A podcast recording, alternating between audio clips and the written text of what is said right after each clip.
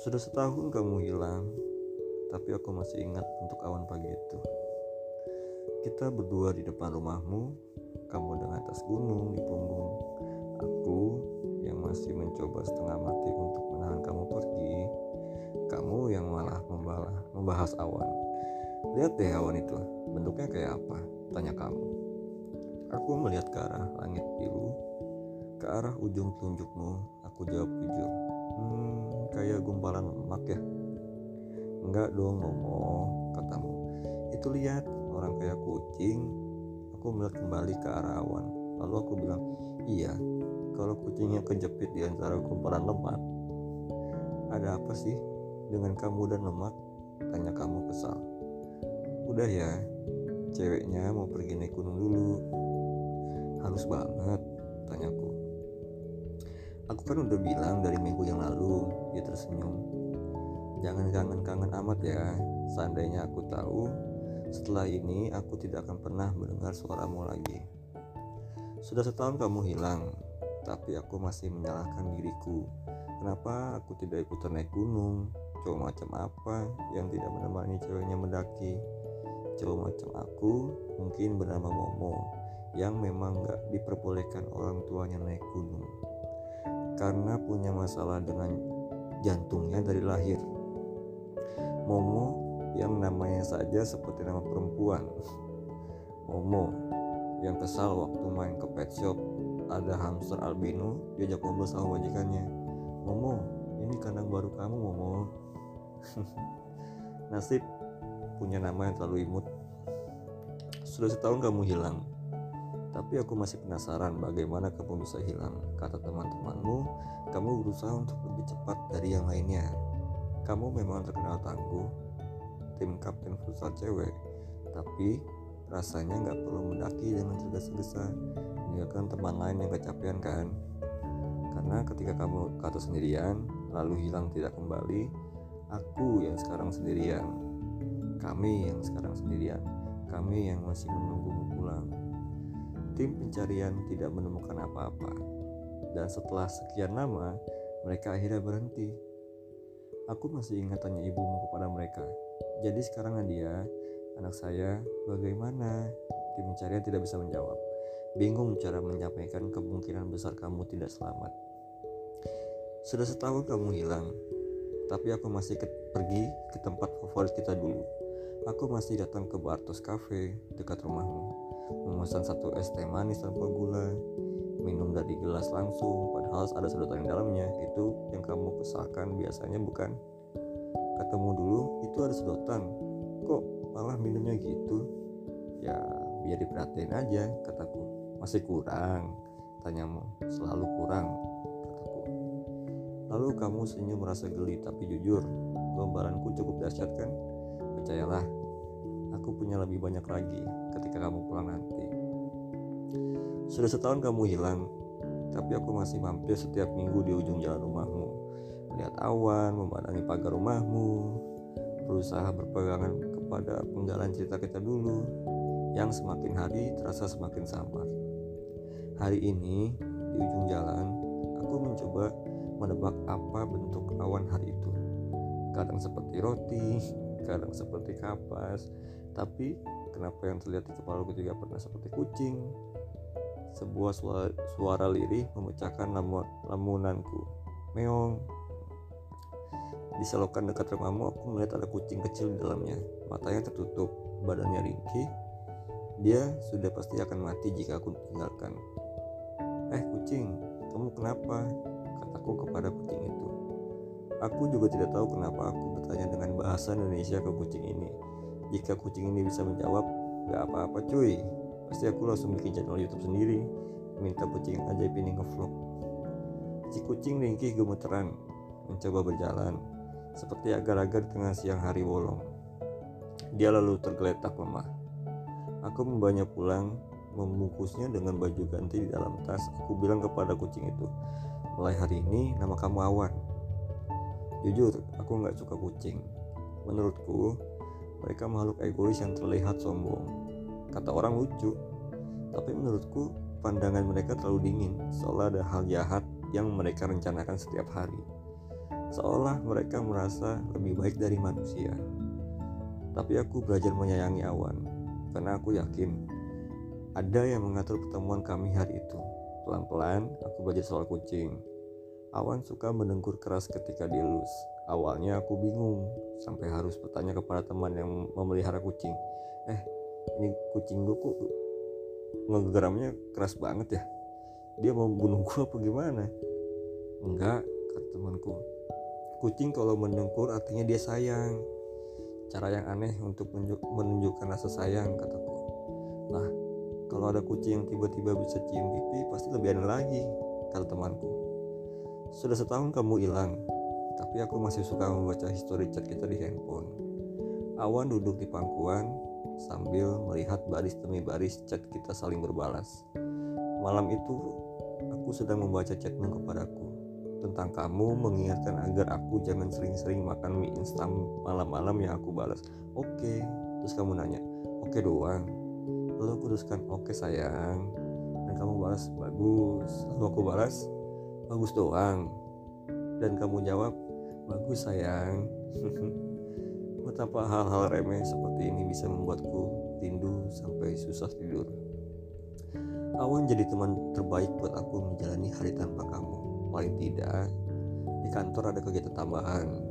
Di dalam kubikel kecilku di tengah-tengah jam gabut aku bisa google cara merawat kucing atau 10 tanda kucing mau kawin atau apakah kucing hendak menguasai dunia.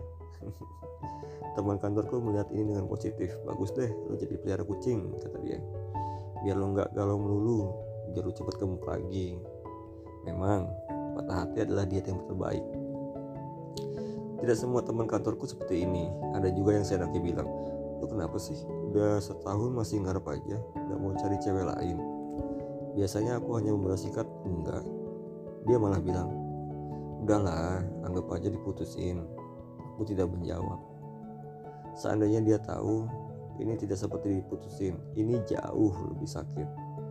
Kalau diputusin ditinggalkan diselingkuhi kita tahu orang itu tidak akan balik.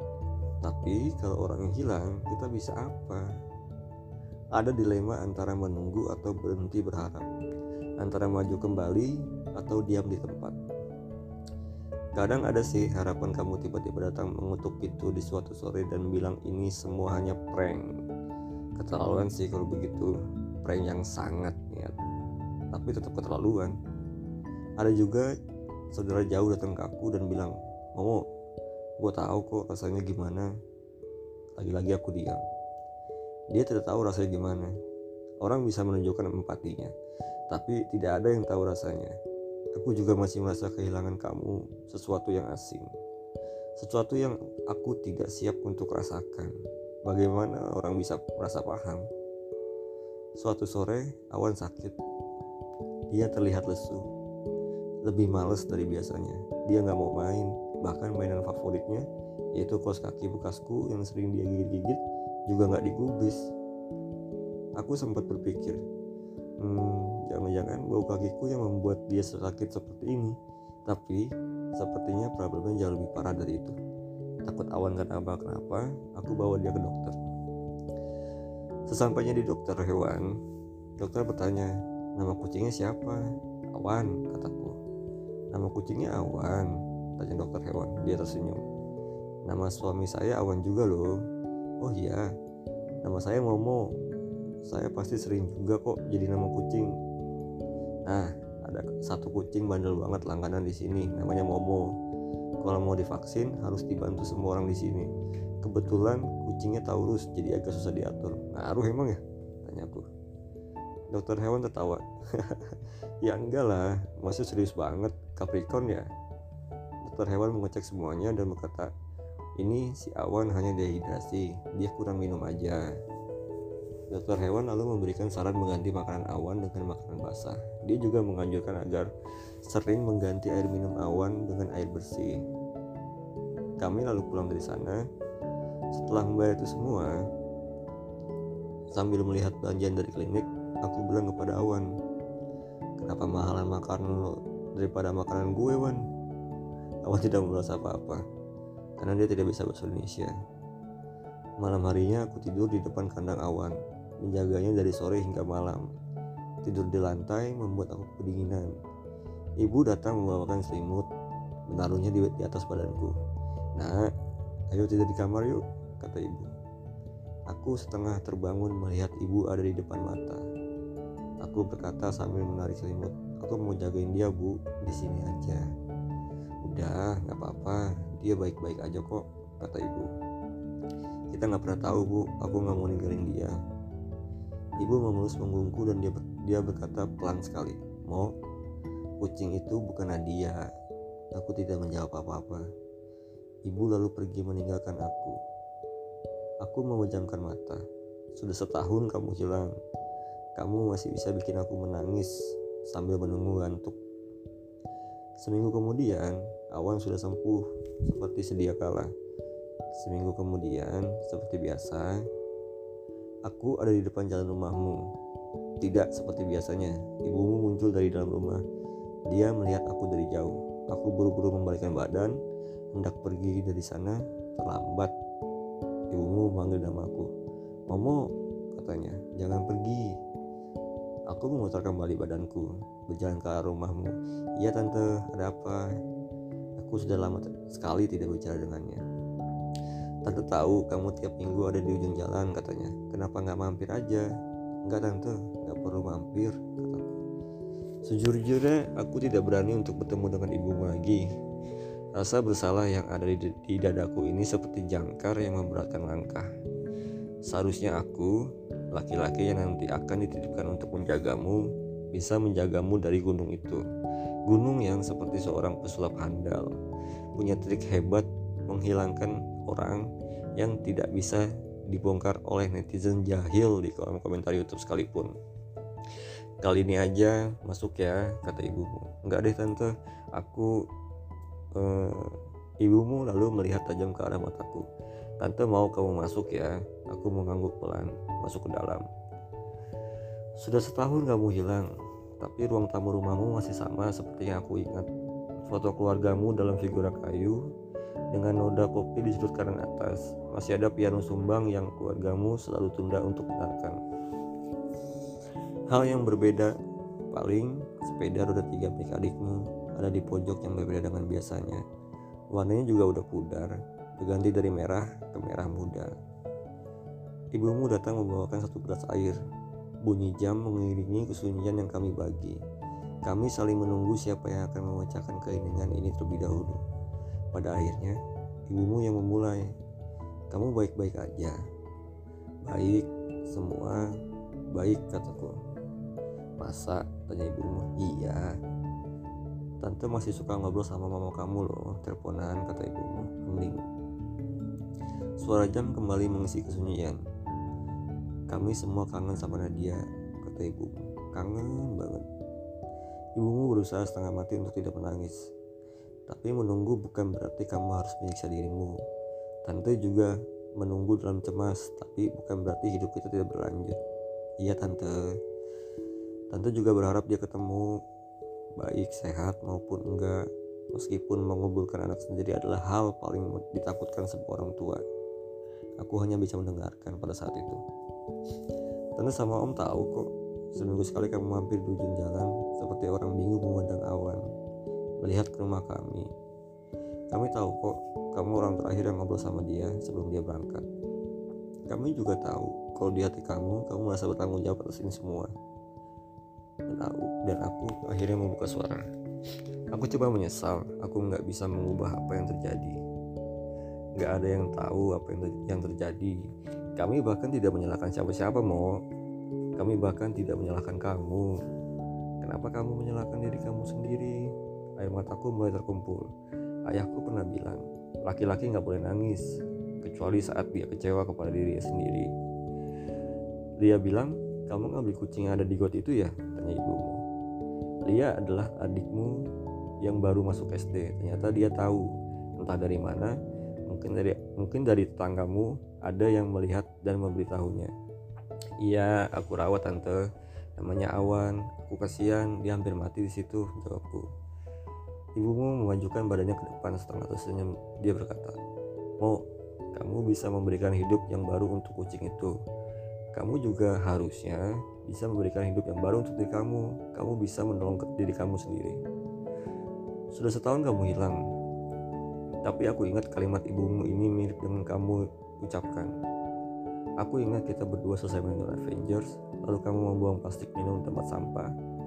Lalu, masih terbawa action film tersebut, aku berkata kepadamu, kapan pun kamu dalam bahaya, aku pasti nolongin kamu. Kamu malah menjawab, coba aku mau tanya, kalau misalnya kita keracunan nih, penawarnya cuma satu, kamu mau kasih siapa obatnya? Aku jawab dengan gagah, kok kamu lah.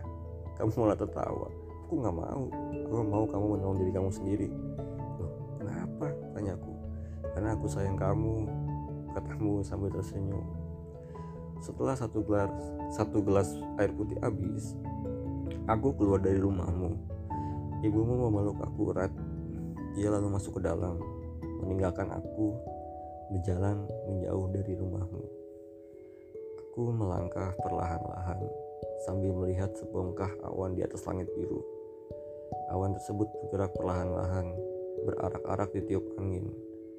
Aku memicingkan mata. Awan hari ini masih tidak terlihat seperti seekor kucing. Namun, hari ini awan terlihat seperti sesuatu yang pergi menjauh, meninggalkan beban yang selama ini membuatnya berhenti. Seperti seseorang yang bebas kembali. Selesai.